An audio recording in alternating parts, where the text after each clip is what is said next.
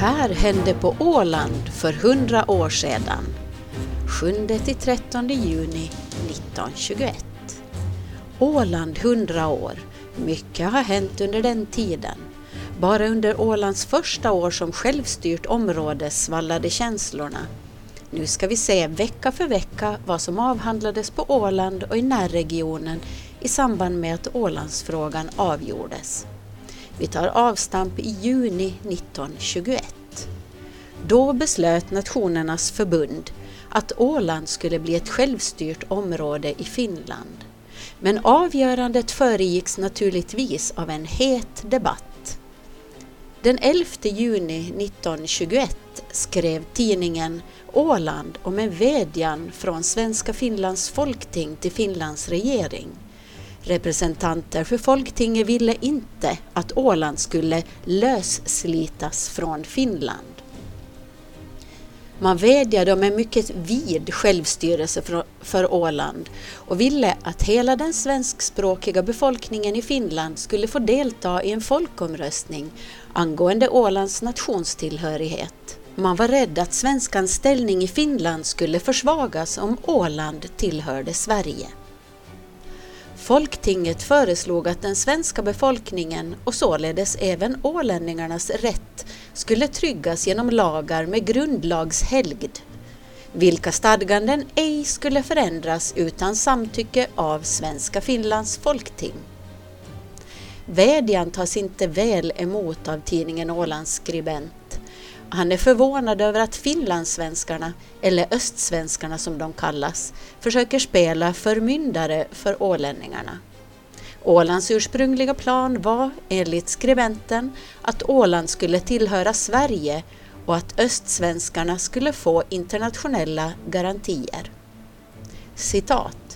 Istället för att omfatta detta program satte östsvenskarna sin fot på ålänningarnas nacke, spelade förmyndare och förbjöd oss att söka nationell trygghet där sådan stod att vinna. Slut på citat. I samma tidning frågar man efter domen för vice häradshövding Carl Björkman och redaktör Julius Sundblom de var misstänkta för förberedelse till högförräderi i samband med frågan om Ålands nationstillhörighet. De häktades 5 juni 1920, hölls fängslade ett tag och väntade ännu på att besväret mot domen på ett år och sex månader i tukthus och förlust av det medborgerliga förtroendet i tre år skulle behandlas. Tidningens skribent spekulerar om dröjsmålet kan bero på att man vill att Ålandsfrågan blir löst först, att man blandat in politik i juridiken.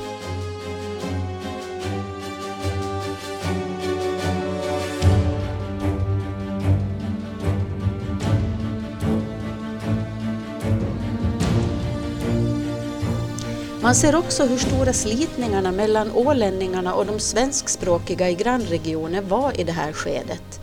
Tidningen Åbo Underrättelser tar upp den 8 juni ett bråk som uppstått efter att kyrkan i Sund brunnit i maj 1921. Kyrkoherden överfölls av en bonde och enligt Åbo Underrättelser utsattes kyrkoherden för både förolämpningar och hugg och slag. Tidningen undrar varför tidningen Åland inte rapporterat om händelsen. Jag citerar. Det brukar annars icke vara tidningen Ålands sak att förtiga dylika förlöpningar. Råkar en finländare förgå sig på minsta vis, genast göres detta till föremål för starkt sensationella uttalanden i bladet och man skyndar sig att överkabla nyheten till Stockholm där den samma tages till utgångspunkt för åskådliggörandet av den fullkomliga omöjligheten av att de högt civiliserade ålänningarna kunde av kulturvärlden lämnas under barbarstaten Finlands herravälde. Slut på citat. Åbo underrättelser hävdar också att kyrkoherden tagit avstånd från att Åland ska höra till Sverige och att bonden som överfallit kyrkoherden hör till de ledande i falangen som vill höra till Sverige och att tidningen Åland därför tystat ner överfallet. Tidningen Åland svarar skarpt med att eftersom kyrkoherden inte gjorde någon anmälan och inte hade vittnen till händelserna fanns det inget att berätta. Åbo underrättelser rapporterar också med jämna mellanrum om Ålandsfrågan. Man kan läsa i en kommentar att Finland har ställts inför ett mogenhetsprov av stor betydelse. Även om Ålandsfrågan endast berör ålänningar spiller det över på det svensktalande på fastlandet menar skribenten. Det inbördes förhållandet mellan Finlands två nationaliteter behöver lösas, något som inte gjorts efter att Finland frigjordes från Ryssland, skriver skribenten. Det var allt för den här veckan. Vi återkommer nästa vecka med Det här hände för hundra år sedan.